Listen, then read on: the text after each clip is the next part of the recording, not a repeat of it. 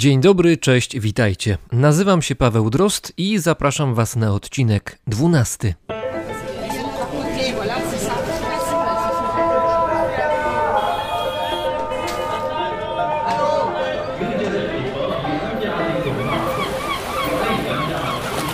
Brzmienie świata z lotu Drozda. Kolejny tydzień to kolejne maile i wiadomości, które do mnie od Was docierają. Pan Sebastian, pisząc do mnie, odniósł się do odcinka wcześniejszego, do odcinka 11 Brzmienia Świata, gdzie z Bartkiem Szaro rozmawialiśmy m.in. o akcji Podróżuj do tutaj oraz o poznawaniu Polski z rzecznej perspektywy. Jeżeli pamiętacie, Bartek rekomendował wtedy pływanie kajakiem o świcie. A oto co napisał pan Sebastian. Tematyka kajaków jest mi bliska i niestety z żalem muszę przyznać, że czasy prawdziwej turystyki odeszły do lamusa, a na wodę wypłynęli piwosze i grylownicy, zaśmiecając rzeki oraz brzegi. A mówię to, gdyż każdego weekendu mam okazję to obserwować, niestety. Nie wiem, czy płynął pan w Krą. Jest też urokliwy zakątek, gdzie w Kra łączy się z Narwią. Odchodzi tam starorzecze Narwi. Stojąca woda, brak ludzi i zgadzam się z pana gościem, że poranki są ładniejsze od zachodów. Uwielbiam je, a mówię to z doświadczenia, gdyż przez parę lat byłem rankiem na Narwi. Wypływaliśmy przed zachodem słońca, a wracaliśmy o świcie. Na marginesie powiem, że uwielbiam o świcie jeździć na rowerze po Warszawie. Widoki na starówce o tej porze są bezcenne. Tak napisał pan Sebastian, który poleca też pływanie po Narwi w okolicy pozostałości Spichlerza, który stoi obok twierdzy Modlin. Podobno, gdy stan wody jest tam niski, można dojrzeć leżące na dnie barki rzeczne. Niektóre z nich pamiętają czasy carskie, XIX wiek. Postaram się sprawdzić, jak to jest obecnie. Bardzo dziękuję, panie Sebastianie, za rekomendację. W tym odcinku Brzmienia Świata nie będzie wody, będzie za to dużo biegania, zmian stref czasowych i niezliczonych samolotów. To już za chwilę. A druga rozmowa będzie dotyczyć kłopotów, z którymi boryka się pewien nieduży kraj w Ameryce Środkowej. Swego czasu zainteresował się nim doświadczony reporter, na pewno znacie jego nazwisko, a z jego zainteresowania powstała później książka, której fragment teraz usłyszycie.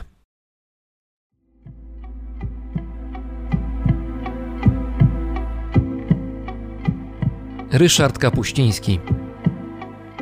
Wojna futbolowa.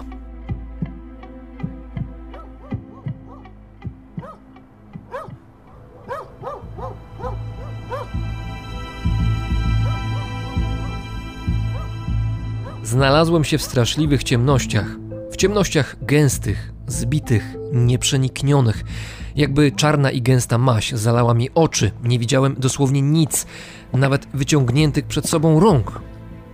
Niebo musiało się zachmurzyć, bo zniknęły gwiazdy, nigdzie nie było widać żadnego światła. Byłem sam wśród obcego i nieznanego mi miasta, którego nie widziałem, które jakby zapadło się pod ziemię. Panowała przejmująca cisza. Miasto milczało jak zaklęte, znikąd żadnego głosu, żadnego dźwięku. Szedłem przed siebie jak ślepiec, obmacując mury, rynny i kraty w witrynach sklepów. Uświadomiłem sobie, że mój krok dudni głośno, więc zacząłem skradać się na palcach. Nagle poczułem, że mur skończył się. Musiałem dojść do jakiejś przecznicy, a może zaczyna się plac? A może jestem nad wysoką skarpą i dalej jest przepaść? Zacząłem badać nogami teren. Asfalt. To znaczy, że jestem na jezdni. Przeszedłem jezdnię i znowu uczepiłem się muru. Nie wiedziałem, gdzie poczta, gdzie hotel, błądziłem, ale szedłem dalej. Nagle rozległ się potężny huk. Poczułem, że tracę równowagę i zwaliłem się na chodnik. Wywróciłem blaszany śmietnik. Ulica musiała być tu pochyła, bo śmietnik potoczył się w dół z przeraźliwym łoskotem. Tym momencie usłyszałem ponad sobą ze wszystkich stron naraz trzask otwieranych okien i histeryczne, przerażone szepty. Silenzio! Silenzio! Silenzio! Silenzio! Silenzio! Silenzio!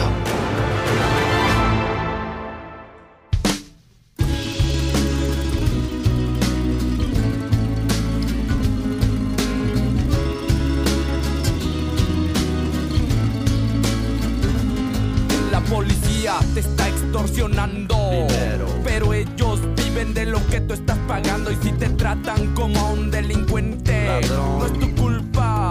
Dale gracias al regente, hay que arrancar el problema de raíz. Y cambiar al gobierno de nuestro país, a la gente que está en la burocracia, a esa gente que le gustan las migajas. Yo por eso me quejo y me quejo, porque aquí es donde vivo. Y yo ya no soy un pendejo que no guachas los puestos del gobierno. Hay personas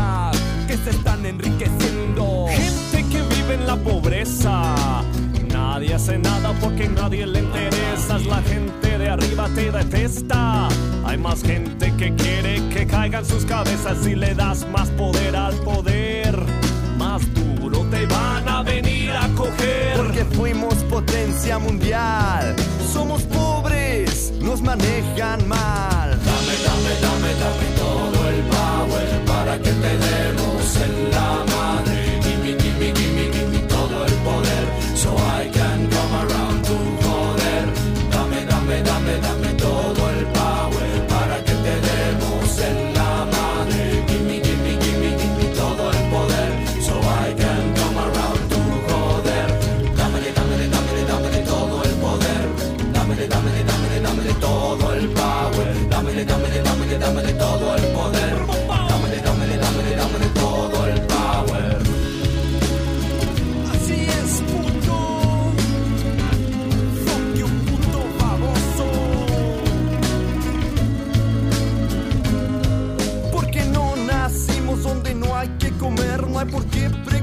Cómo le vamos a hacer. Si nos pintan como unos huevones,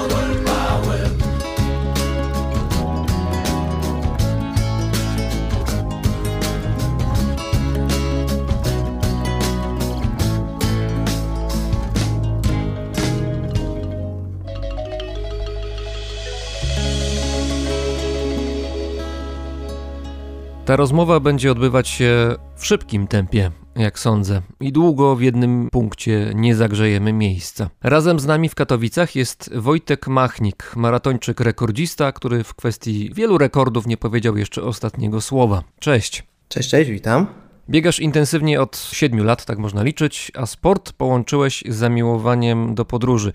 Mianowicie bierzesz udział w maratonach na całym świecie, a działasz tutaj w sposób bardzo przemyślany i precyzyjny. Tutaj nie ma przypadku. I w tej chwili jesteś w trakcie próby pobicia rekordu w kategorii 100 najszybciej ukończonych maratonów w 100 krajach. Zacząłeś w styczniu 4 lata temu, teraz w lipcu 2020 roku masz na koncie 97 ukończonych maratonów. No i pytanie moje brzmi, co dalej? Bo świat wyraźnie zwolnił, granice wciąż jeszcze w wielu przypadkach pozamykane, więc maratonów też chyba nie będzie w najbliższym czasie. Czy masz wciąż szansę na pobicie rekordu? No ja od czasu, od kiedy powstał mój projekt, czyli 249 Challenge, założyłem sobie, że będę jeździł po świecie i będę łączył dwie pasje, czyli pasję do podróży i pasję do biegania, więc na szczęście nie dałem sobie takiego deadline'u, w jakim chciałbym skończyć ten projekt. Było bardzo intensywnie, było rekordowo, można powiedzieć, w tych poprzednich miesiącach, natomiast faktycznie teraz świat trochę zwolnił i to jest taki czas na nadrabianie trochę zaległości. Zobaczymy. Jest tylko 15 osób, które ja znam na świecie, które ukończyły 100 maratonów w 100 krajach, więc i tak będę najprawdopodobniej jedynym i najszybszym Polakiem, a w jakim czasie to się tak naprawdę realnie uda, no to trzeba obserwować, trzeba patrzeć i jak rzeczywistość pozwoli, tak ten setny maraton pewnie ukończę. Padło hasło przed chwilą z Twoich ust 249 Challenge, bo liczba 249 jest dla Ciebie liczbą ważną. Ba, właściwie to jest taka liczba, która reguluje Twoje życie. Tak, ja w momencie, kiedy kończyłem poprzednie projekty, czyli Koronę Maratonów Polski, Koronę Półmaratonów, potem był e, World Marathon Majors, czyli sześć największych maratonów na świecie, cały czas nie wiedziałem tak naprawdę, jak to poukładać, czy jeździć po tym świecie bez jakiegoś celu, po prostu co mi się spodoba, to pojechać, pobiec maraton i, i zaliczyć, czy po prostu w jakąś ramę to ubrać, czyli w jakiś taki poukładany projekt. No i wtedy znalazłem właśnie normę ISO, która nadaje 3-litrowe kody dla wszystkich krajów świata, który jest formalnie 196, plus dodatkowo terytoria zależne, niezależne, sporne, były kolonie i tak dalej. I to jest właśnie te 249 i pomyślałem sobie, że zwiedzenie świata w takiej wersji poszerzonej, plus jeszcze maraton w każdym z tych miejsc, to będzie właśnie coś, co będzie takim długodystansowym projektem, takim, którego jeszcze nikt nie zrobił. Tak powstało 249 Challenge. Tak się zastanawiam, czy na pewno masz czas na to, żeby zwiedzać, żeby oglądać te kraje, w których bierzesz udział w maratonach, bo na przykład w połowie marca byłeś na Sokotrze, tam biegłeś w maratonie, to jest wyspa należąca do Jemenu, znana bardzo z endemicznej roślinności. Na filmach, na zdjęciach ona świetnie wygląda, to sobie można zobaczyć, to przyciąga turystów. Ale czy w ogóle miałeś szansę rozejrzeć się po wyspie? Może inaczej, czy miałeś siły i czas, żeby się skupić na czymś innym niż tylko pokonanie tych 42 kilometrów? I tak i nie. Ja wcześniej dużo podróżowałem i wiele krajów, do których pojechałem już tylko na maraton. Ja wcześniej miałem okazję w nich być turystycznie, więc czasami w projekcie, jak robiłem rekord świata, chodziło o najwięcej maratonów w różnych krajach w ciągu roku. To były takie dni, gdzie faktycznie przyjechałem na 17 godzin do kraju albo dwa dni, to takie były bardzo, bardzo krótkie pobyty. W zasadzie celem samym w sobie był maraton. Natomiast przez to, że gdzieś byłem jeden dzień, no to miałem później z kolei na kolejny kraj na przykład 10 dni i jeżeli to był kraj nowy, tak jak na przykład pamiętam do Kanady pierwszy raz pojechałem, no to zadbałem o to, żeby tam mieć przynajmniej 10 dni na to, żeby sobie pooglądać te miasta, żeby pozwiedzać, odpocząć trochę, więc miałem wpływ na pełną logistykę tego projektu i starałem się tym grafikiem tak zarządzać, żeby mieć szansę właśnie też coś zobaczyć, a nie tylko gonić, gonić, biec i lecieć dalej. guy Tutaj twój grafik i kalendarz podejrzewam, że jest niezwykle skomplikowany. Widziałem, że już masz, czy miałeś jeszcze przed pandemią zaplanowany udział w maratonach na całym świecie do połowy przyszłego roku, bardzo precyzyjnie.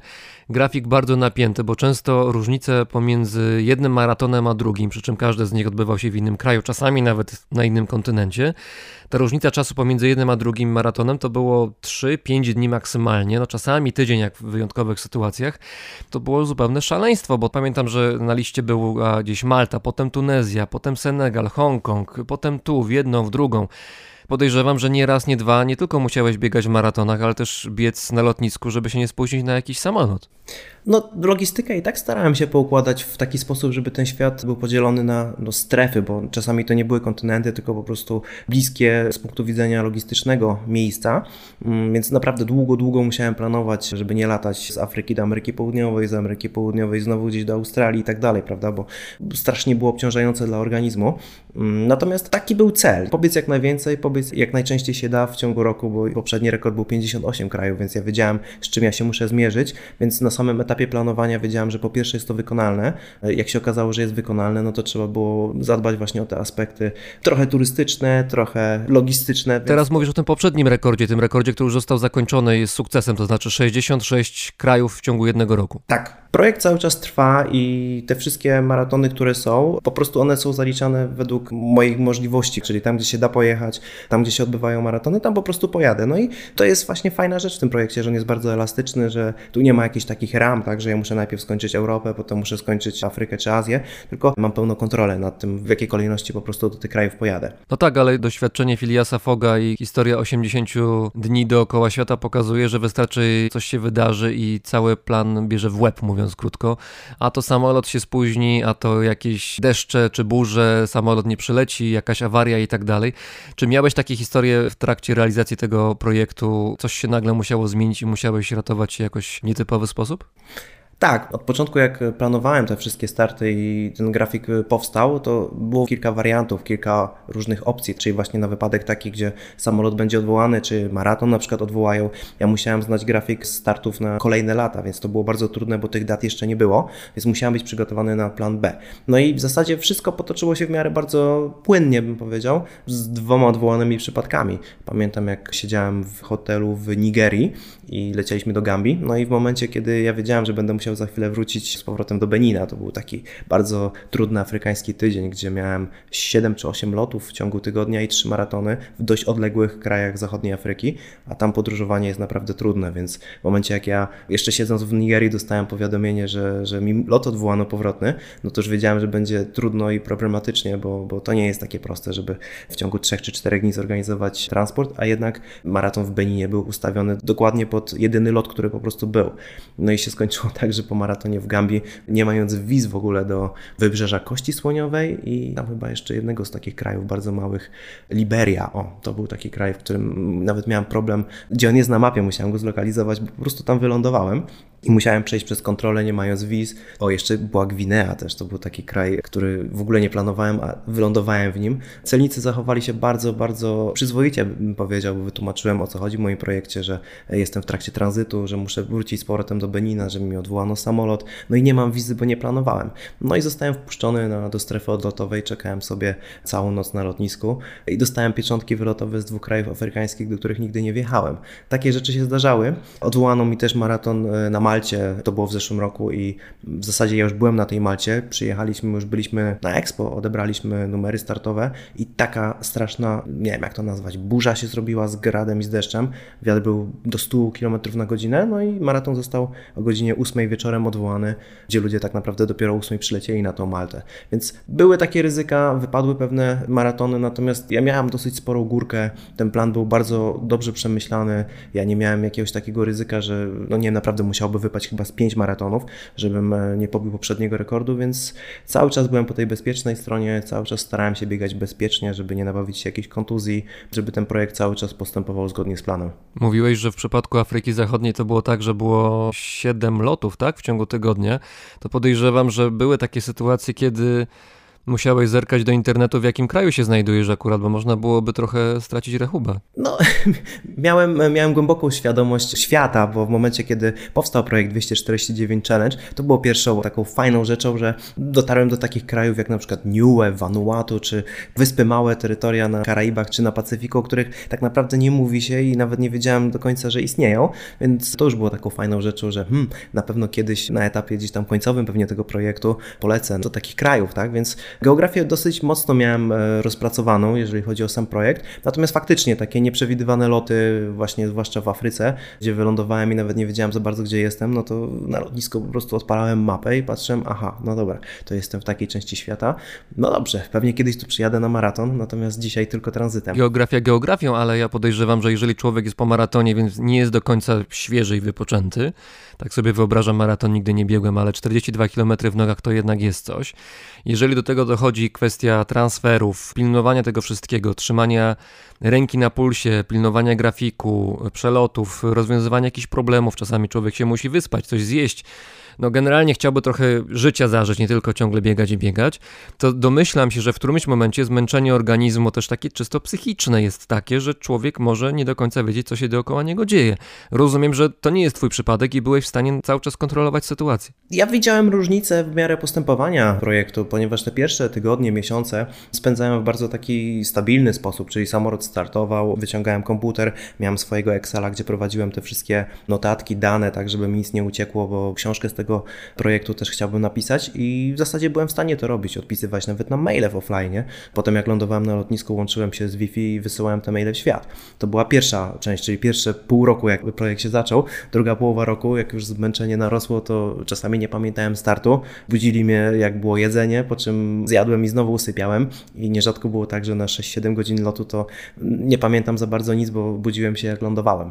Później ten czas już zacząłem dzielić, bo faktycznie było tak, że przy gęstych transferach spałem z 3-4 godziny w hotelu, nastawiałem budzik, jak wylot miałem w środku nocy, no i później resztę snu uzupełniałem w samolocie. Był to trudny okres dla organizmu, albo też w ogóle czasami potrafiłem wystartować nie śpiąc, bo z Nowego Jorku jak leciałem na Puerto Rico, no to samolot został zawrócony w pewnym momencie, bo był problem z ciśnieniem w kabinie i zamiast przylecieć o godzinie 18, zjeść kolację, pójść spać i wystartować o drugiej w nocy, tak jak było to planowane, to ja przyleciałem o 22.40, po czym organizatorzy zmienili start na północ, ponieważ było tak gorąco, więc w zasadzie miałem półtorej godziny do startu, wziąłem szybki prysznic, zjadłem kawałek jakiegoś makaronu, no i, i pobiegłem w ogóle bez snu całą noc. Pamiętasz w ogóle coś z tego biegu z Puerto Rico? Coś tam pamiętam, tak? Mam odczyty w zegarku. Pamiętam, że dużo piłem wody, bo byłem strasznie ekstremalnie odwodniony. Też bieganie w Karaibach gdziekolwiek jest bardzo trudne ze względu na, na bardzo wysoką wilgotność. I to jest ta trudność, która też dochodziła. Zmęczenie, niewyspanie, warunki pogodowe, które no, nie pozwalają na szybkie bieganie. To wszystko trzeba było wziąć pod uwagę. No, to był jeszcze cykl, gdzie ja biegałem wtedy 6 maratonów na sześciu karaibskich wyspach dzień po dniu.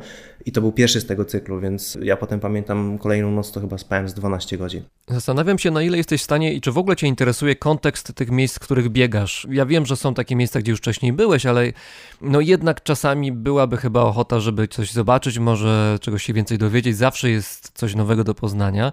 A tutaj masz cel, czyli maraton, konkretny dystans. I trzeba się na nim skupić, to znaczy trzeba dowiedzieć się, jaki jest teren, jaka jest różnica wzniesień, klimat, temperatura, no może jaka jest nawierzchnia, żeby buty dopasować.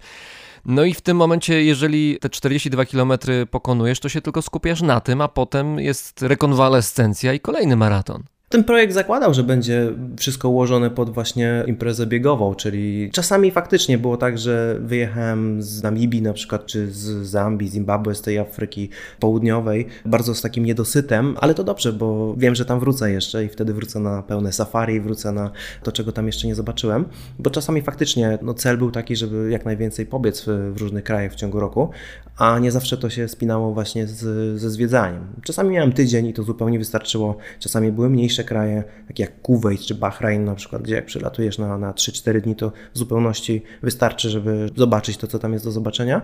Więc niektóre kraje fajnie, że do nich pojechałem, fajnie, że był maraton i raczej nie planuję wracać, bo, bo nie ma nic takiego już turystycznie ciekawego tam do zobaczenia. Natomiast w Chinach byłem trzy razy i też bym nie powiedział, że trzy razy będąc turystycznie zobaczyłem wszystko, co w tym kraju jest do zobaczenia, bo, bo to jest po prostu duży kraj. Więc dusza podróżnika cały czas gdzieś we mnie jest i cały czas będę podróżował, bo nie tylko podróżuję, żeby biegać, bo ten świat jest jednak ciekawy na wielu obszarach i aspektach. Natomiast maratony przez pewien czas faktycznie zdominowały cały mój grafik i całe moje życie. Natomiast teraz już trochę zwalniam. Piszę książkę, więc chciałbym tak mniej więcej około 10-12 nowych krajów i maratonów przebiec w ciągu roku.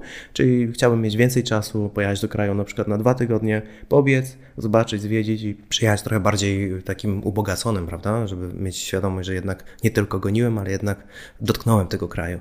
Kiedy biłeś rekord w kategorii największej liczby maratonów pokonanych w jeden rok, czy miałeś takie poczucie czasami, takie momenty zwątpienia, że nie dasz rady, albo że to jest niemożliwe, albo że po kiego grzeba ja to wszystko robię?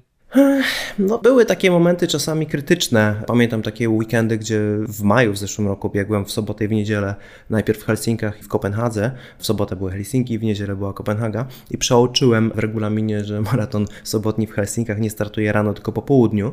No i miałem problem, bo jak po biegu już byłem, no to już nie było żadnego lotu, więc pierwszym lotem musiałem się dostać do Kopenhagi i, i zanim w ogóle dotarłem z lotniska na start, to już praktycznie byłem spóźniony, bo oni już wystartowali, więc biegałem z plecakiem, starałem się go gdzieś tam oddać do depozytu. I naprawdę wystartowałem, pamiętam, jako ostatni, ostatni biegacz 10 sekund, czy jakoś 11 sekund chyba było przed zamknięciem linii, więc zrobiłem to w ostatniej możliwej chwili. I wtedy było tak, przez chwilę taka myśl mi przeszła, że to się już chyba nie uda, bo już nie wiedziałem po prostu, co z sobą zrobić, ale po prostu podszedłem do pań w namiocie, powiedziałem, słuchajcie, muszę oddać ten plecak, ja wiem, że to się nie mieści w procedurach, które tutaj macie, bo to jest za duży plecak, wiem, że go nie powinniście ode mnie przyjąć, ale ja nie mam wyboru, ja tu przeleciałem specjalnie, mam taki projekt, a nie inny, jeżeli mi się ten maraton wysypie, no to po prostu będzie, no nie będzie dobrze. No i babki tak popatrzyły na mnie i powiedziały, okej, okay. widocznie dobrze mi z oczu patrzyło, przyjęły plecak, nic się z nim nie stało, pobiegłem maraton i poleciałem dalej. A z nogami swoimi też rozmawiałeś? Przekonywałeś się, że jeszcze trochę wysiłku, jeszcze parę miesięcy?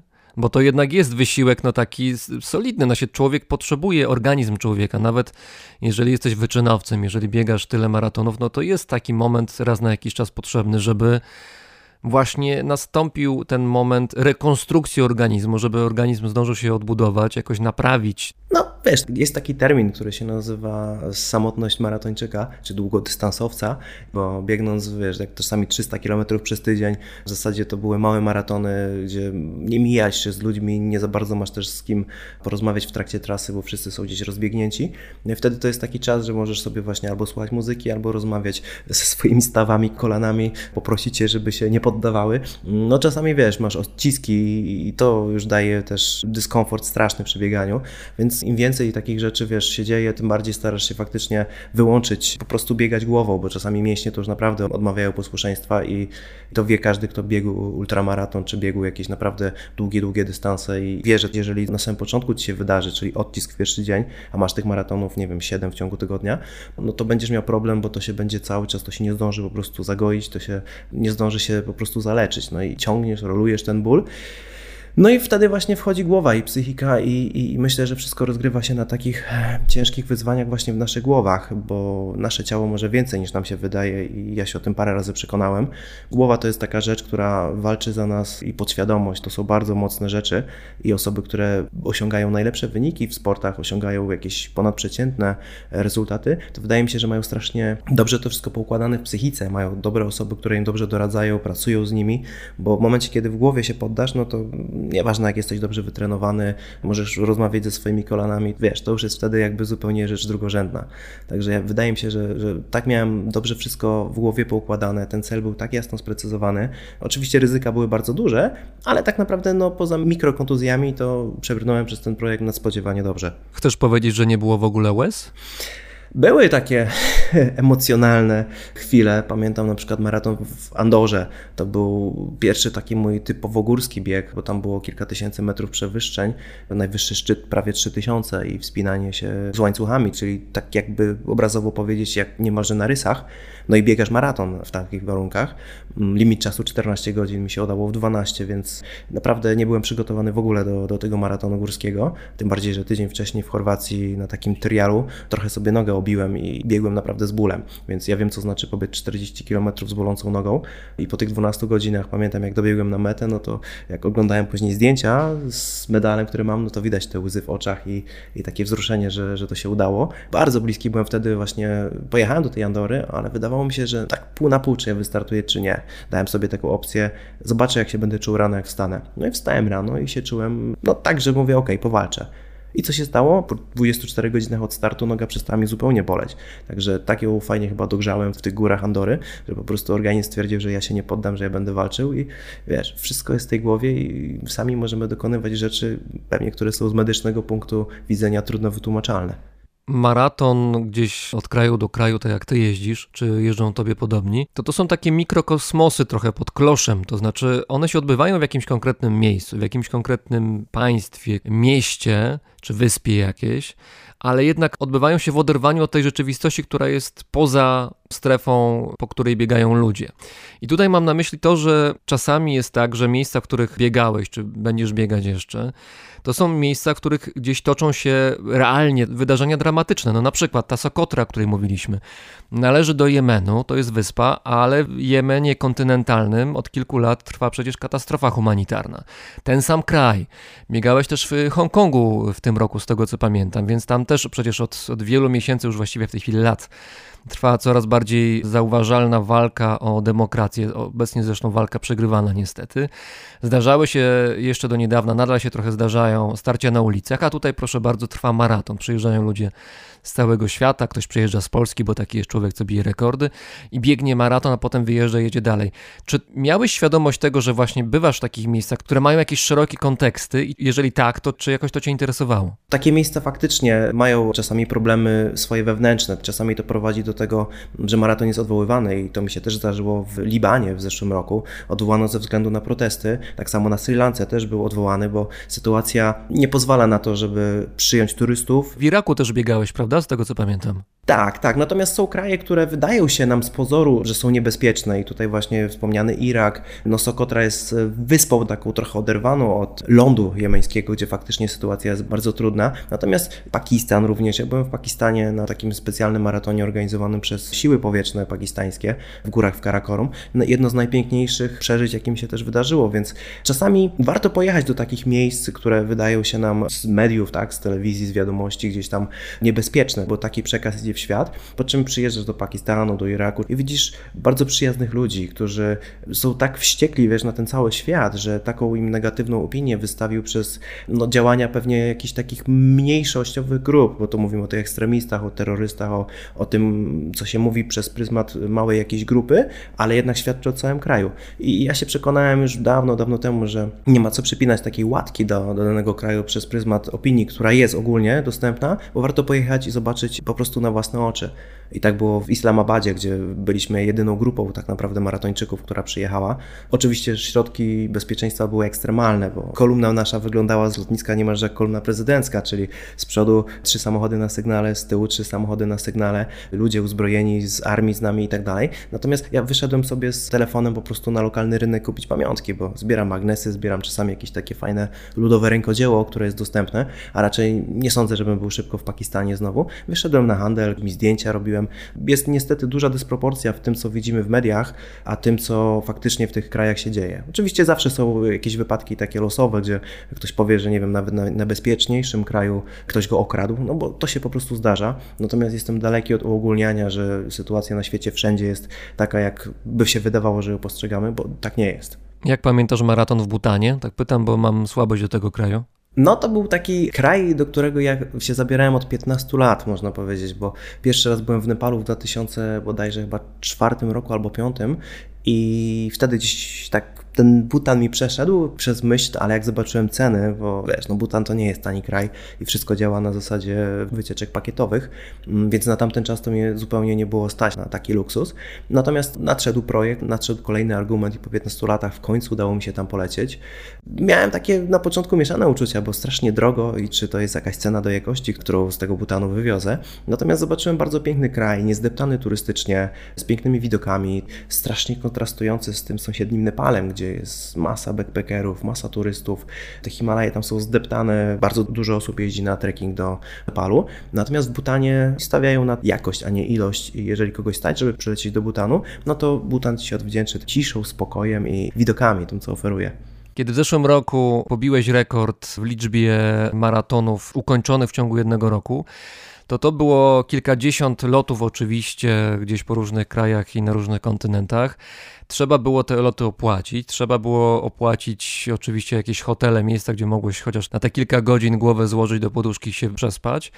Ale oprócz tych kosztów, które już są całkiem niemałe, jak sądzę, dochodzą jeszcze koszty udziału w samych maratonach. I to są kwoty naprawdę niebagatelne. To nie jest tak, że 20, 50 czy 100 zł zapłacę za to, żeby wziąć udział w jakimś maratonie, tylko to się liczy w tysiącach złotych, a czasami w tysiącach dolarów. No tak, finalnie wyszło mi prawie 160 lotów w te 16 miesięcy, czyli pół miliona kilometrów. No, koszty, nie będę nawet mówił, ile mnie to kosztowało. Natomiast dużo rzeczy udało się zrobić dzięki sponsorom. Udało mi się to poprzez to, że ten projekt był taki medialny, dostać zaproszenia do wielu maratonów, czyli zostałem zaproszony jako człowiek, który jest w trakcie dużego projektu, rekordu świata. Czasami nawet była prezentacja, czasami nawet były jakieś gratisy od sponsorów, więc dużo rzeczy marketingowo zrobiłem na naprawdę fajnym poziomie i to pozwoliło mi oszczędzić pieniądze. Ale operujmy może jakimiś liczbami. Taki maraton, dajmy na to w Butanie, mhm. czy w Hongkongu, czy w Tunezji. Ile to kosztuje? Udział. Więc jeżeli mówimy o maratonach na Sokotrze czy w Butanie, które są typowo pakietowymi produktami, bo tam się nie da pojechać na własną rękę, no koszt takiego maratonu na stronie oficjalnej to też można przeczytać, to nie jest jakaś tajemna wiedza. To jest w granicach czterodniowy pakiet około 2000 dolarów plus dolot. To trzeba być jeszcze w, albo w Nepalu, albo w Indiach, bo tam inaczej ciężko dostać.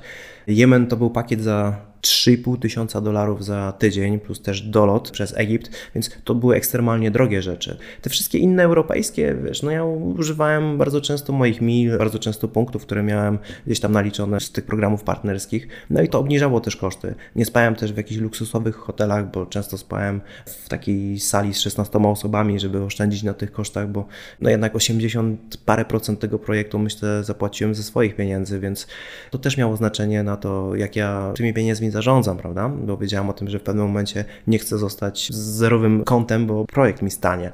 Więc cała logistyka już nie tyle z kraju do kraju, z maratonu do maratonu, ale ta logistyka finansowa to też było no, wyzwanie, żeby, żeby się z tym zmierzyć. W maju tego roku ukończyłeś nietypowy maraton. On był bardzo nietypowy, bo biegałeś w kółko na, na linii, można powiedzieć, 5 metrów.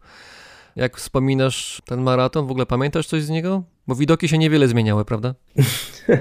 No, chciałem powiedzieć, że marzyłem ostatniej prostej, która nie nastąpiła. Tak, to był taka potrzeba chwili, bym powiedział, bo jak ja wróciłem do Polski w połowie marca, właśnie zostaliśmy zaewakuowani z wcześniej wspomnianej Sokotry, bo wszystkie kraje się już wtedy zaczęły zamykać ze względu na, na koronawirusa, więc e, miałem najpierw dwa tygodnie przymusowej kwarantanny w takim na szybko wynajętym apartamenciku, w zasadzie pokoju w Warszawie. No i ja byłem na etapie 97 kraju, jak mnie dopadł COVID i miałem trzy maratony zaplanowane w ciągu dwóch tygodni, które się nie odbyły. Więc pierwszy raz pobiegłem z takiej, nie wiem, bezsilności można powiedzieć, dookoła łóżka właśnie w trakcie kwarantanny i też odbiło się echem przez media, bo wtedy wszyscy właśnie robili takie dziwne rzeczy, biegali po balkonach, w ogródkach, jakichś korytarzach, no bo nie wolno było biegać na zewnątrz. Natomiast padło wtedy bardzo dużo pytań, czy to jest jakiś znowu kolejny rekord, który ja ustanowiłem, czy to jest po prostu tak, o, po prostu pobiegłem sobie.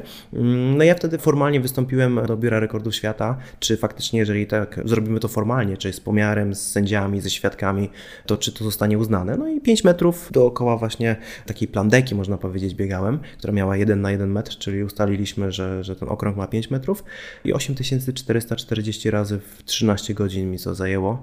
No i ustanowiłem rekord świata w maratonie po najkrótszej pętli. Obciążenie kolan po 13 godzinach biegania, no i bycia pochylonym raz w prawo, raz w lewo, no to jest naprawdę coś, co organizm odczuwał jeszcze długo. Ja pamiętam, chyba z dwa dni się jeszcze zbierałem, wstawając z łóżka, to ja to jeszcze czułem. Były krytyczne momenty, bo w ciągu dnia naprawdę padało i było zimno i pamiętam, że musiałem założyć rękawiczki i taką kurtkę z kapturem. No ale jest wyzwanie, to trzeba się liczyć, że nie zawsze słońce świeci, czasem pada deszcz. I tak samo było w tym moim projekcie. Też było ekstremalnie gorąco w Afryce, było 30, chyba 6 czy 7 stopni, najwięcej jak pamiętam. Były kraje, gdzie było co prawda 26-27 stopni, tak jak na Karaibach czy na Filipinach, ale mam odczyt wilgotności 94%, więc to po prostu jest ekstrem totalny, nie? No i z drugiej strony pamiętam, gdy do Kazachstanu przyjechałem, to było minus 2, a ja byłem w krótkim rękawku, bo przyleciałem z jakiegoś też ciepłego kraju wtedy, więc naprawdę organizm dostawał z każdej strony jak nieprzespane nocy ze względu na zmianę strefy. To nie wiem, śniadanie, obiad, kolację, bo trzy loty miałem w ciągu jednego dnia, więc jadłem takie posiłki, które w ogóle nie mają żadnej wartości.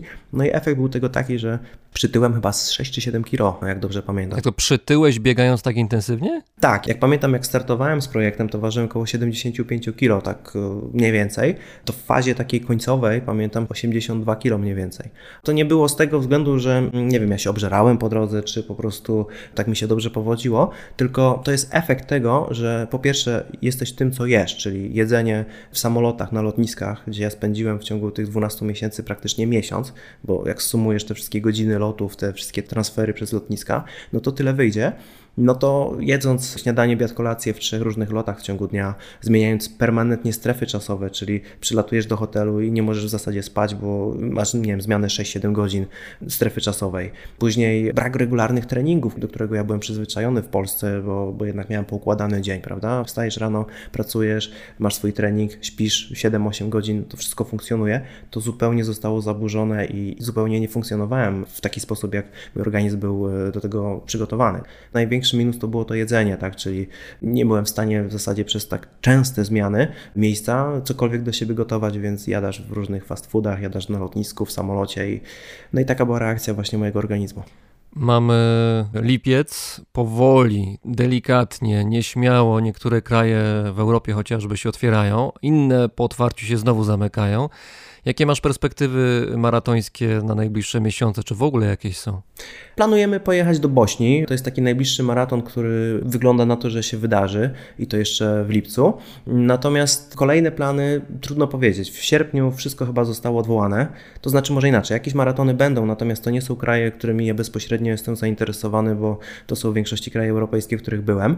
Natomiast wrzesień wygląda bardzo optymistycznie, bo Słowacja ogłosiła, że będzie maraton w Bratysławie, później Albania ogłosiła, że taki piękny trialowy ultra się odbędzie. To jest 6 dni i 220 km. Z Albanii pojadę do Kosowa, bo tam też się ma odbyć maraton. No i na Gibraltarze też jest taka mała impreza, która powinna się odbyć. Więc jeżeli wrzesień zadziała, no to będę miał cztery nowe miejsca, w których pobiegnę we wrześniu. A październik nie wiem jeszcze, bo tak naprawdę to wszystko jest tak dynamiczne, że czasami w ciągu tygodnia potrafi się tak wiele zmienić. Nie wiadomo, czy będzie druga fala jeszcze koronawirusa, czy to wszystko w jakiś sposób też wpłynie na to, że nie będzie można podróżować samolotami. No raczej ustawiłem się na wyjazdy bliskie do krajów europejskich, w których nie byłem, tam gdzie da się dojechać autobusem, no bo ryzyko samolotu jednak jest no, dosyć duże na dzień dzisiejszy. Nie wiem, co się życzy takim długodystansowym szalonem trochę maratończykom międzynarodowym, czy połamania nóg, czy dobrych połączeń lotniczych. No nieodwołanych lotów na pewno, tak? Bo trudno powiedzieć tak naprawdę, czego tu sobie bardziej życzyć. Czy nie nabawienia się kontuzji? Na pewno jest to w jakiś sposób ważne.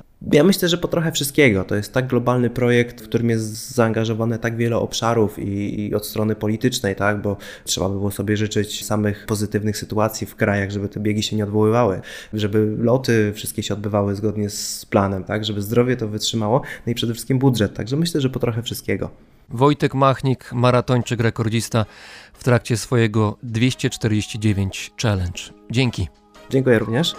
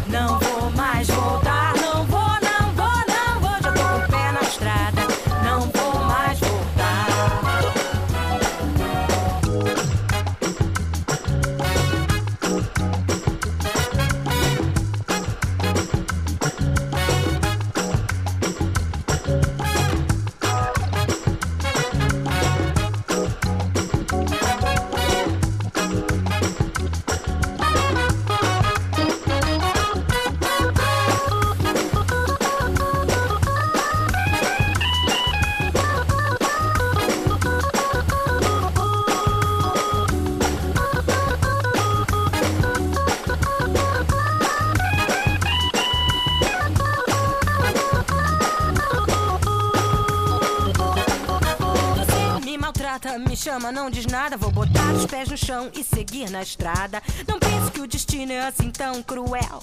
Na vida, cada um representa seu papel. Não perca seu tempo nessa confusão. Eu vou fazer as minhas malas e seguir com decisão. Já tô com o pé na estrada e não vou mais voltar. Não vou, não vou, não vou. Já tô com o pé na estrada, não vou mais voltar.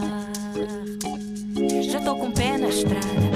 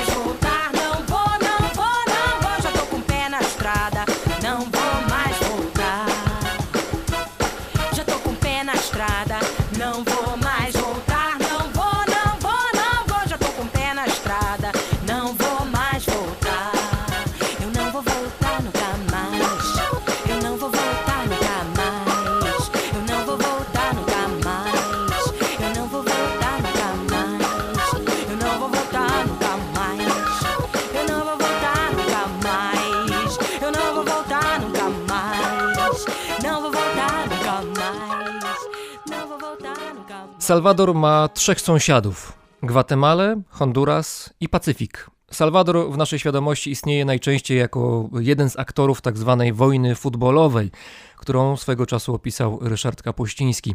Państwo niewielkie, ale za to z wielką liczbą wulkanów i może jeszcze z większymi problemami. Do tego jego historia to właściwie pasmo zmian, walk, puczów wojskowych, powstań, wojen, niepokojów społecznych, wpływów państw zewnętrznych ze Stanami Zjednoczonymi na czele, plus jeszcze parę innych atrakcji, których teraz nie będziemy wymieniać, bo nie mamy aż tyle czasu. Jednym słowem, jeśli lubisz adrenalinę i napędza cię poczucie niepewności, co się zdarzy następnego dnia, weź pod uwagę Salwador. Jeśli myślicie, że przesadzam, to powiem tylko tyle, że dokładnie rok temu, czyli pod koniec lipca 2019 roku, prezydent kraju, prezydent Salwadoru, ogłosił wszemi wobec, że jest powód do świętowania, ponieważ pierwszy raz od dwóch lat zdarzył się dzień, podczas którego nikt nie został zabity. Pierwszy raz od dwóch lat. Za to na miejscu od kilku miesięcy mieszka autorka bloga Banita Travel, organizatorka festiwalu Trampki, autorka książki Końca świata nie było, jednym słowem Anita Demianowicz. Dzień dobry, witaj, cześć. Dzień dobry, cześć. Jesteś wciąż y, w Salwadorze i wróciłabyś pewnie do Polski, gdybyś mogła, ale nie możesz. Salwador był wśród liderów państw, które najszybciej zareagowały na pandemię i Salwador zareagował nie tylko szybko, ale bardzo radykalnie. I właściwie, kiedy mówię radykalnie, mam na myśli radykalnie, radykalnie. Byłaś świadkiem zmiany z normalności w tę nową pandemiczną normalność. I to się działo nie tylko nagle, ale właśnie bardzo mocno. Tak, ja powiem szczerze, że na początku myślałam, że mam szczęście, ponieważ e, akurat Salwador był ostatnim krajem, do którego jechałam w trakcie tej podróży i miałam zostać tutaj mniej więcej do maja. Szczęście w takim znaczeniu, że wjechałam do Salwadoru dokładnie na godzinę przed zamknięciem granic. Gdybym wsiadła w jakiś późniejszy autobus, czy gdyby cokolwiek się po drodze wydarzyło, wydarzyło to do Salwadoru bym nie wjechała. I wtedy myślałam, że to w marcu myślałam, że spotkało mnie szczęście. Natomiast potem jednak stwierdziłam, że absolutnie nie, że miałam pecha, że akurat spędzam kwarantannę w Salwadorze, bo była ona bardzo, bardzo restrykcyjna i tak naprawdę, mimo że się skończyła, w tej chwili wcale niewiele się zmieniło, bo tak naprawdę, mimo że tej kwarantanny oficjalnie nie ma, to praktycznie wszystko jest pozamykane. Jedynie co otwarte to są sklepy spożywcze, apteki i kilka gdzieś tam jakichś pomniejszych sklepików. Natomiast powiedzmy, że nawet cała natura, wszystkie parki narodowe, nawet wulkany, wszystkie jakieś najdrobniejsze parki zielone, gdzie po prostu można pójść i posiedzieć, przejść, są e, zamknięte i rząd tak naprawdę chce wprowadzić z powrotem kwarantannę. To tutaj z tego, co opisujesz tak ogólnie, to e, wynikałoby, że to jest trochę sytuacja podobna do Polski z początku polskiej kwarantanny, kiedy nawet wstęp do lasów był zabroniony, ale jednak jest fundamentalna różnica pomiędzy kwarantanną, nawet tą bardzo restrykcyjną w Polsce, a tą w Salwadorze ponieważ tam nie tylko ona była radykalna, czy jest jeszcze radykalna, co jeszcze jest radykalnie przestrzegana, to znaczy wymuszana przez władze, przez wojsko, przez policję.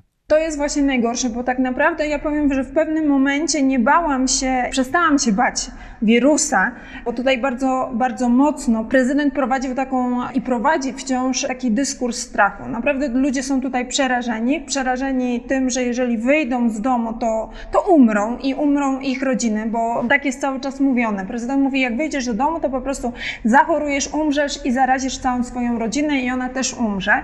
To ja mimo wszystko potem przestałam się jakby bać tego wirusa, a bałam się policji i wojska, ponieważ bardzo mocno oni pilnowali na ulicach tego, by ludzie nie wychodzili i żeby przestrzegali tę kwarantannę. To, co jest i co było najtrudniejsze i co jest w tej chwili w trakcie tej pandemii, to fakt, że od ponad trzech miesięcy jest zlikwidowany na przykład transport publiczny. 80% społeczności Salwadoru porusza się transportem publicznym.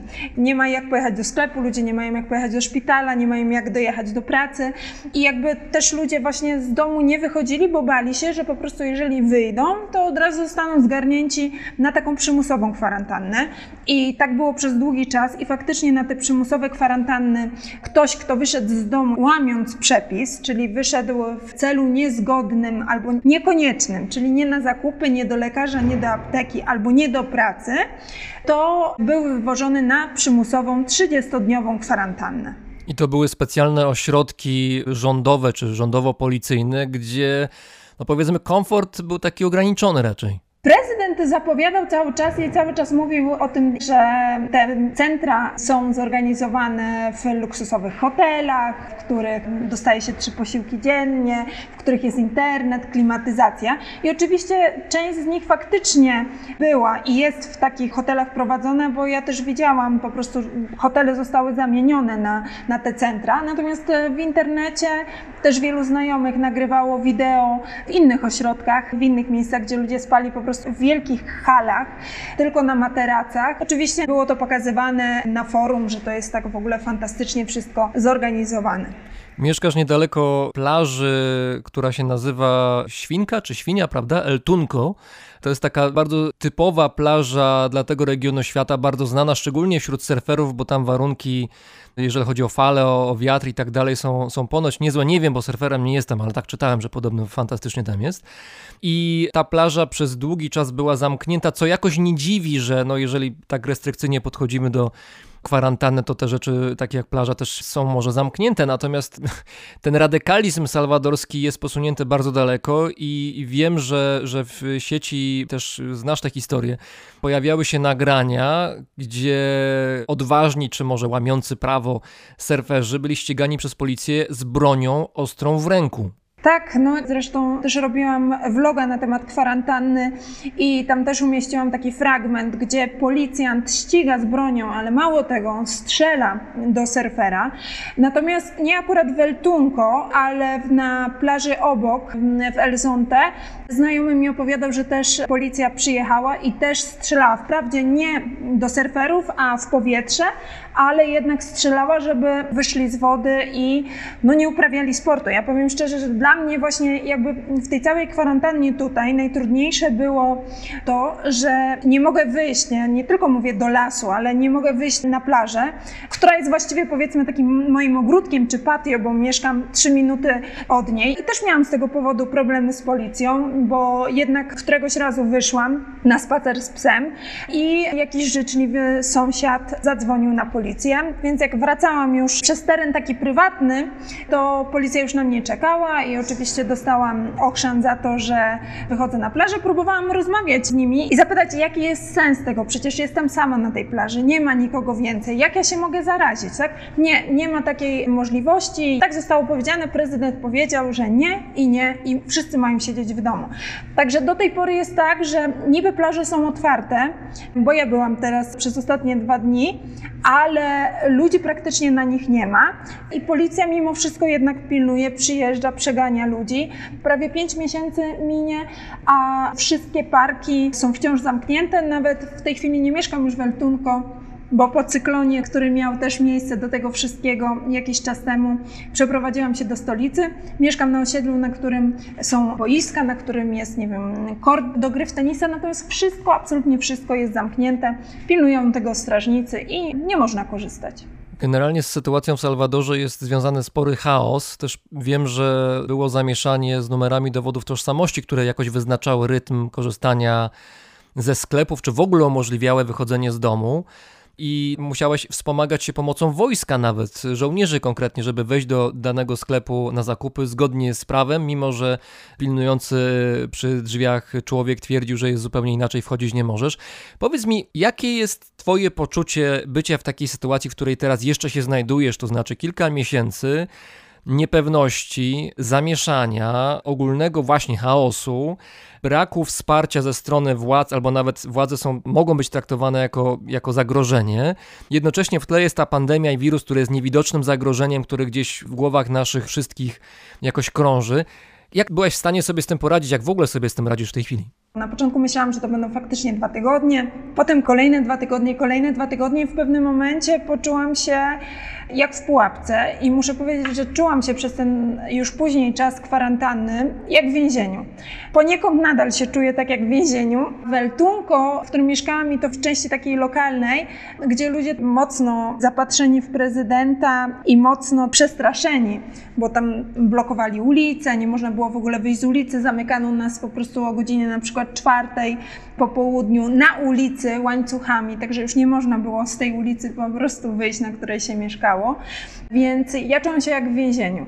Chciałam stąd uciec. To, co tutaj się dzieje cały czas, wiadomo, jak w większości krajów trwa walka polityczna, trwa walka o władzę, ale tutaj ten prezydent, który na początku wydawał się całkiem sensownym człowiekiem, no, przyszedł ktoś nowy, ktoś, kto zabrał się, wydawało od początku za robienie porządku z tym, co najtrudniejsze tutaj, czyli z salwadorskimi gangami. Trzeba powiedzieć, że to jest człowiek w ogóle nietypowy w skali Ameryki Środkowej, dlatego że to jest Salwadorczyk palestyńskiego pochodzenia, relatywnie młody, on chyba nawet jest przez 40, prawda?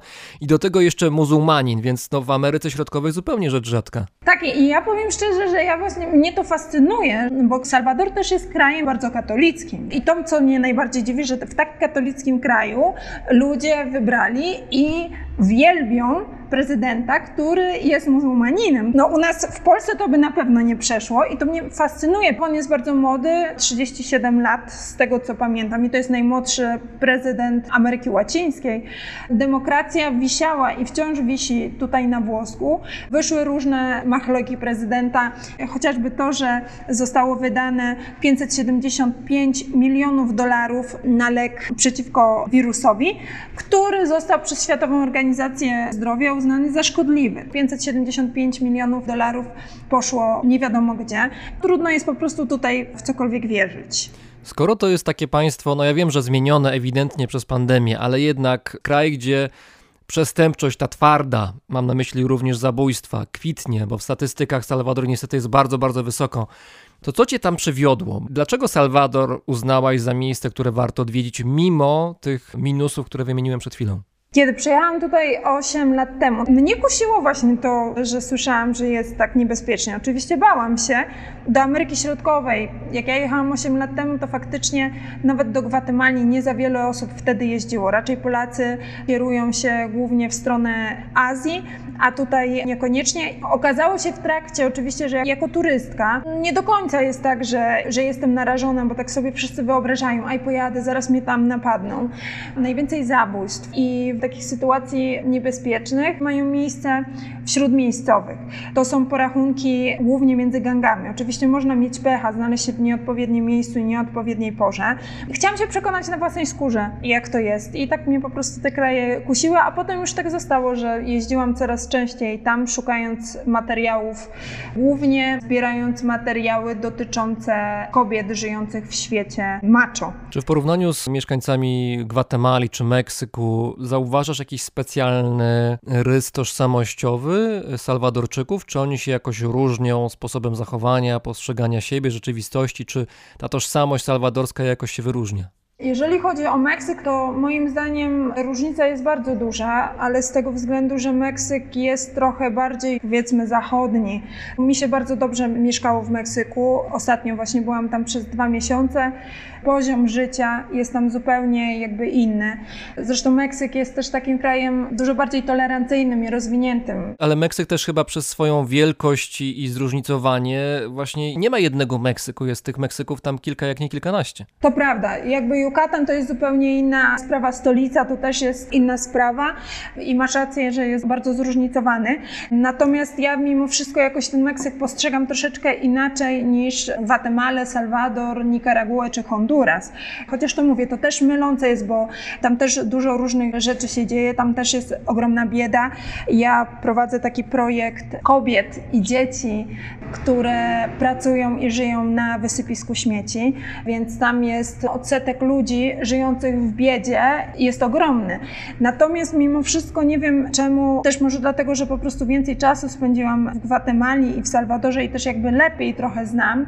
Mam tutaj więcej znajomych i to, co jest takie charakterystyczne, myślę, dla Salwadorczyków, w tej chwili jest tak, że ci ludzie, Salwadorczycy są tak zastraszeni, że wydaje mi się, że to jest jedyny kraj, w którym nie sposób, żeby oni się w tej chwili zbuntowali przeciwko czemuś. Tak? Dzieje się źle w innych krajach, w Hondurasie, w Nikaragui, nawet w Gwatemali ludzie wychodzą na ulicę, żeby mimo wszystko zawalczyć o swoje prawa, choć też nie są w łatwej sytuacji politycznej, a tutaj w Salwadorze Salwadorczycy się boją. Wolą zamknąć buzię, nie powiedzieć nic i jakoś to przetrwać, albo uciec z kraju. Ostatnio zaglądałam do statystyk, że w minionym roku zdaje się 450 tysięcy Salwadorczyków uciekło z kraju. Ciężko im się tutaj żyje.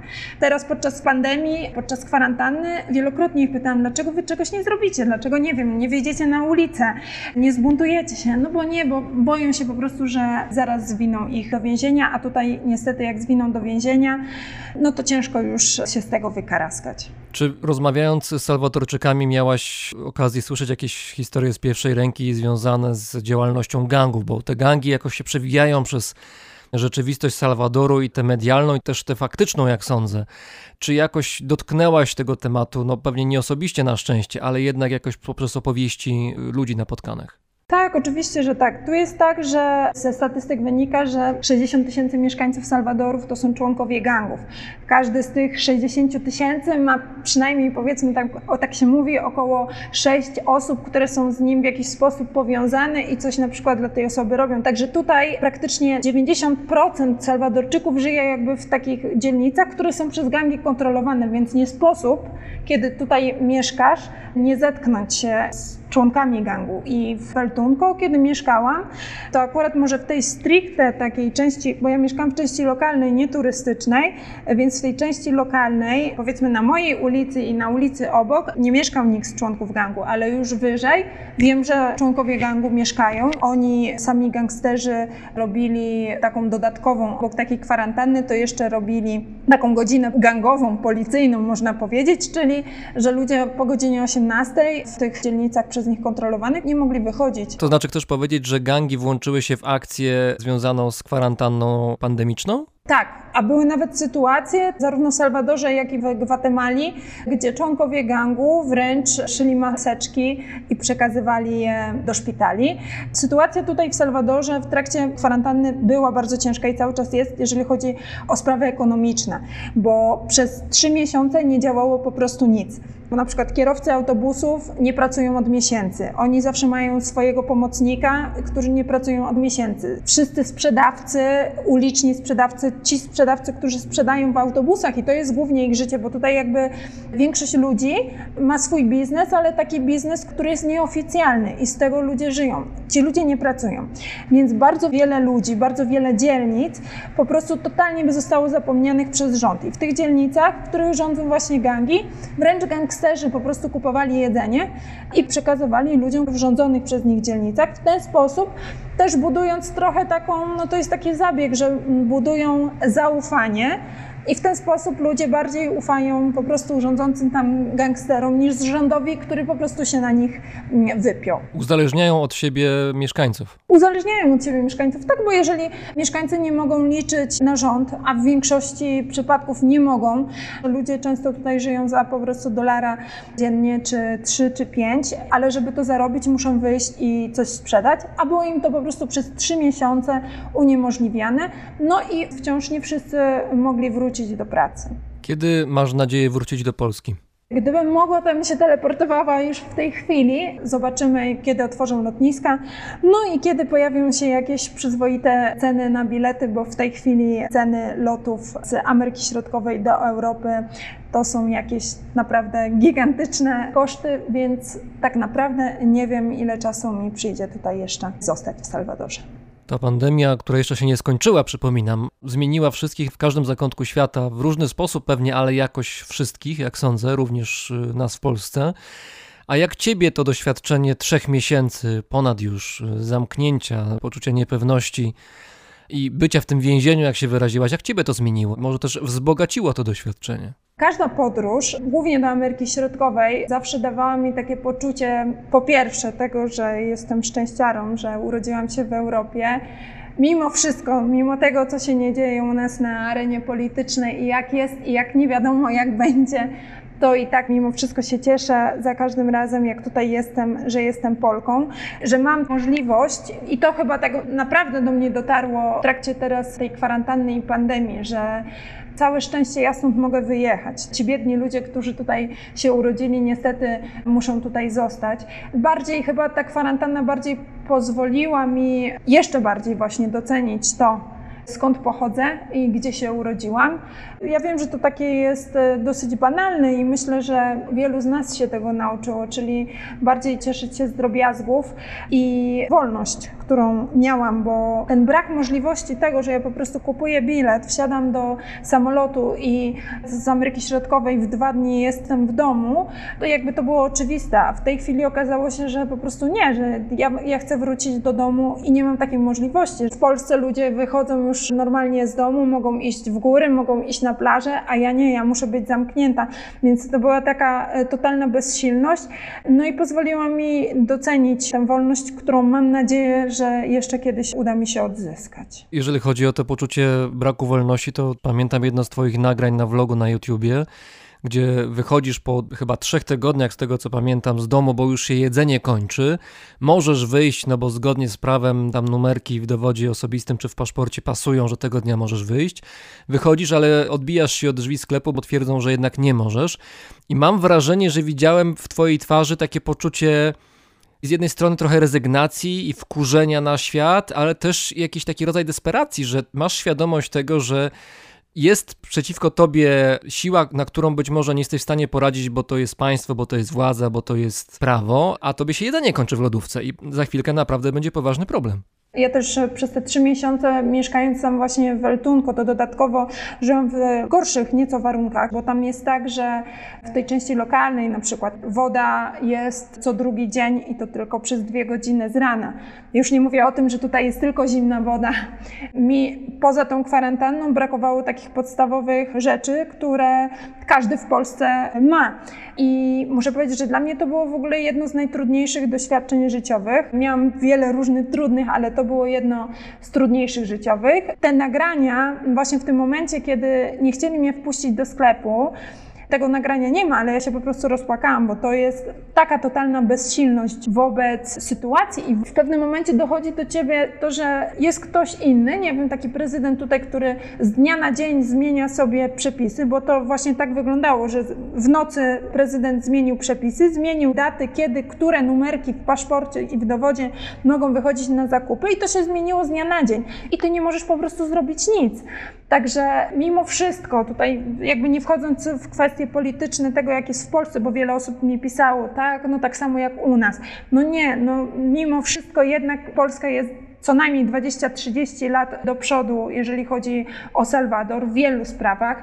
I ja sobie po prostu takiej sytuacji w Polsce nie wyobrażam, jakie mnie spotykały tutaj, bo ja też wiem, że my Polacy jakoś umiemy jednak walczyć i walczymy o swoje prawa. A tu znalazłam się w takiej sytuacji, że jestem sama. Ja oczywiście jestem zawzięta. Tam przychodziło wielu innych Salwadorczyków, którzy też odbijali się od drzwi, ale oni potulnie kiwali głową. Dobrze, no przepraszamy w ogóle, że przyszliśmy i że nie wiedzieliśmy o tym, że w nocy prezydent zmienił, bo nie mamy internetu, nie stać nas, a prezydent o wszystkim tweetuje i wszyscy powinni wiedzieć, co on tam zatweetował nowego. I ja powiedziałam, że nie, ja stanęłam tam i powiedziałam, że ja w takim razie nikt nie wejdzie do tego sklepu, dopóki nie zawołają mi menadżera. I menadżer mi nie wyjaśni, dlaczego nie pozwalają mi wejść do sklepu, mimo wszystko, że na drzwiach wisiał wcześniejszy dekret, cały czas z tą datą, gdzie ja mogłam teoretycznie wejść do sklepu. Więc musiałam szukać policji, znalazłam wojskowych, którzy jako, że jestem obcokrajowcem, zdecydowali mi się pomóc, bo przypuszczam, że gdyby podszedł Salwadorczyk, to, to w ogóle by nie zdecydowali się pomóc. I oni ze mną poszli, ale oni się odbili też, bo nie, bo prezydent powiedział i koniec, kropka. Więc jeden z tych wojskowych powiedział tak cicho, że może bym poszła do innego sklepu i spróbowała w innym sklepie. Więc ja faktycznie poszłam do innego sklepu z tej samej sieci i w momencie, kiedy podawałam mój paszport i chciałam oczywiście znowu zagrać głupią, że, że nie wiem i że może się uda. Kątem oka zauważyłam, że mam przecież numer PESEL tam poniżej, więc zasłoniłam palcem numer dowodu, a mój numer PESEL kończył się na numerek, który mógł wejść tego dnia do sklepu. Więc pan mnie zapytał, gdzie jest y, numer dowodu, ja wskazałam na PESEL, mówi, a no dobrze, to proszę. I dzięki temu mi się tak naprawdę udało zrobić zakupy. Właściwie ludzie się nie spotykają, nie odwiedzają się. I nawet jeżeli ktoś przychodzi z rodziny, to po prostu spryskują od stóp do głów alkoholem, a jeżeli przynoszą zakupy ze sklepu, to każdą kupioną rzecz myją alkoholem. Ja tutaj na przykład też mieszkam w takim dużym domu, w którym mieszka parę osób i te osoby na przykład chodzą w maseczkach cały czas po domu. Jest tutaj nas piątka, a oni chodzą w maseczkach. Widzę, że jak przychodzą ze sklepu, to po prostu wszystko alkoholem tak tutaj wygląda i ciężko się bardzo tak żyje. Tutaj w ogóle nie istnieje żadna inna choroba w tej chwili. Wszyscy tylko mówią o wirusie. Życzę Ci szybkiego i bezpiecznego powrotu do Polski. A kiedy już to nastąpi, kiedy na polskiej ziemi postawisz stopy i odetchniesz pełną piersią, czy będziesz brała pod uwagę powrót do Salwadoru z jakiegoś powodu? A jeżeli tak, to jaki to będzie powód? Oren, powiem tak, że gdyby nie jeden powód, który mam, to praktycznie to myślę, że już chyba nigdy więcej w życiu bym nie wyjechała do Salwadoru. Mam Salwadoru po dziurki w nosie. Najprawdopodobniej będę musiała wrócić z racji tego, że zbieram materiał, materiał do książki i w tej chwili nie można wejść na przykład do więzień, a ja do mojej książki muszę między innymi spotkać się z kobietami, które w tych więzieniach wciąż siedzą, więc najprawdopodobniej w przyszłym roku będę musiała wrócić. Ale to tylko z tego powodu. Wcześniej Wcześniej bardzo lubiłam Salwador jako kraj, bo naprawdę ma tutaj wiele pięknych miejsc. Ludzie są tacy też fajni, życzliwi i Latynosi są otwarci bardzo. Natomiast cała ta historia z pandemią, z kwarantanną, z prezydentem, kraj też jest bardzo podzielony. Tutaj jakby nie można powiedzieć na forum coś złego na prezydenta, bo jeżeli się powie, to to może się skończyć naprawdę źle. Nie wiem, jakoś straciłam, nie wiem jak to powiedzieć. Serce? No, straciłam serce do Salwadoru i do Salwadorczyków. Tu jeszcze wspomnimy, bo mówimy prezydent, prezydent, ale nie padło jego nazwisko. Prezydent Bukele, tak się nazywa ten palestyńskiego pochodzenia Salwadorczyk, muzułmanin, który od zeszłego roku Salwadorem e, rządzi, no i rządzi w sposób taki powiedzmy interesujący, także można troszkę o nim poczytać. Naszym gościem była autorka bloga Banita Travel, znana z organizowania festiwalu Trampki, autorka książki Końca nie było, czyli Anita Demianowicz. Dzięki. Dziękuję bardzo.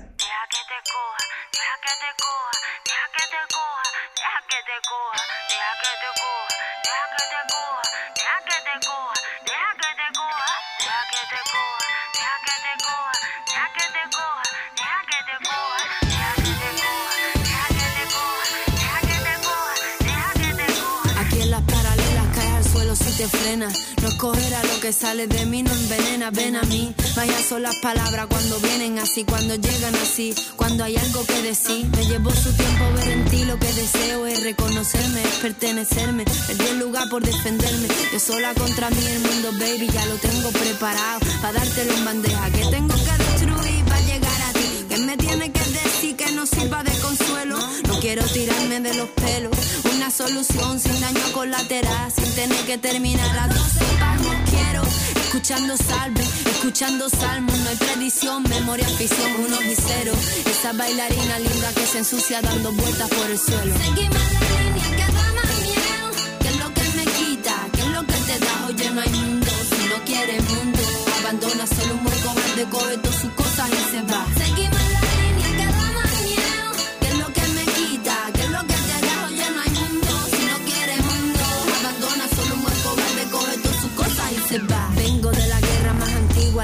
Y las pedras. Habitaciones marcadas, cochera petá. Pares de firmar, las del que da y ratatata. Todas esas definiciones agotadas.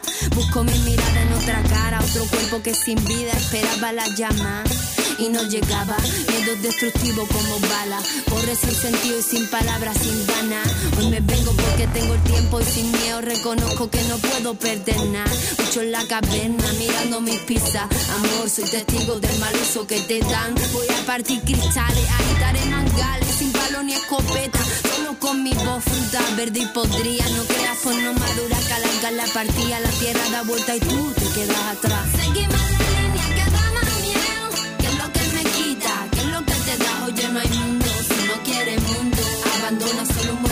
Un hueco verde, coge todas sus cosas y se va.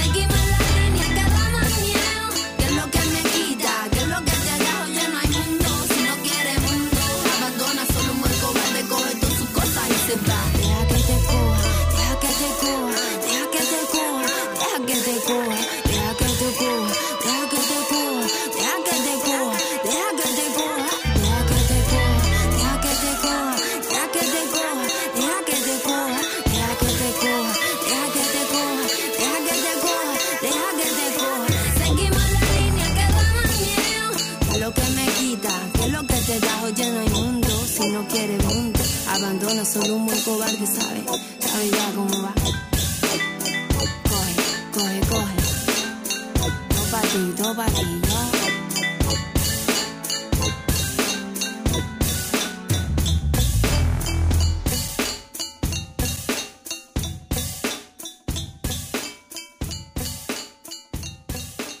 Słuchaliście brzmienia świata z lotu Drozda. To był odcinek 12, który powstał, podobnie jak odcinki wcześniejsze, dzięki Waszej pomocy na Patronite.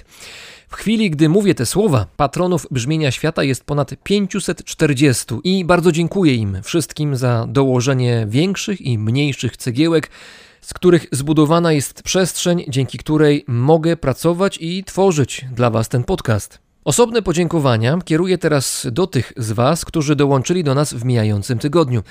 Potrzebna będzie scena do tych podziękowań, tym razem może niech będzie górska.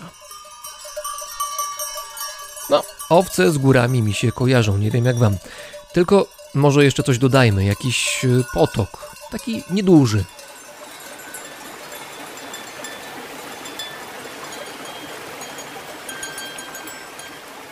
Tak myślę, bo tak mi się wydaje po rytmie dzwonków, które te owce mają na sobie, że te owce to one chyba lubią bałkańskie rytmy, więc dodajmy jeszcze odpowiednią muzykę.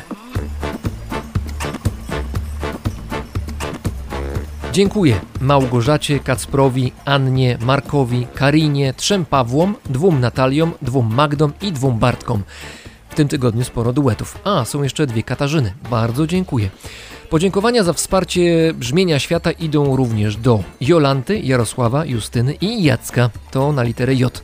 Dziękuję też Michałowi, Lidii, Krzysztofowi, Agnieszce, Paulinie, Irenie, Wojtkowi i Sebastianowi. I na koniec dziękuję i pozdrawiam serdecznie osoby, które podpisały się jako AAAA, Ika, Fiazo oraz Xiaomi Redmi. Bardzo dziękuję jeszcze raz wszystkim patronom, nowo przybyłym, jak i tym, którzy są z brzmieniem świata już od pewnego czasu. Słyszymy się w odcinku 13. Paweł Drozd, czyli ja, mówi Wam dobrego dnia.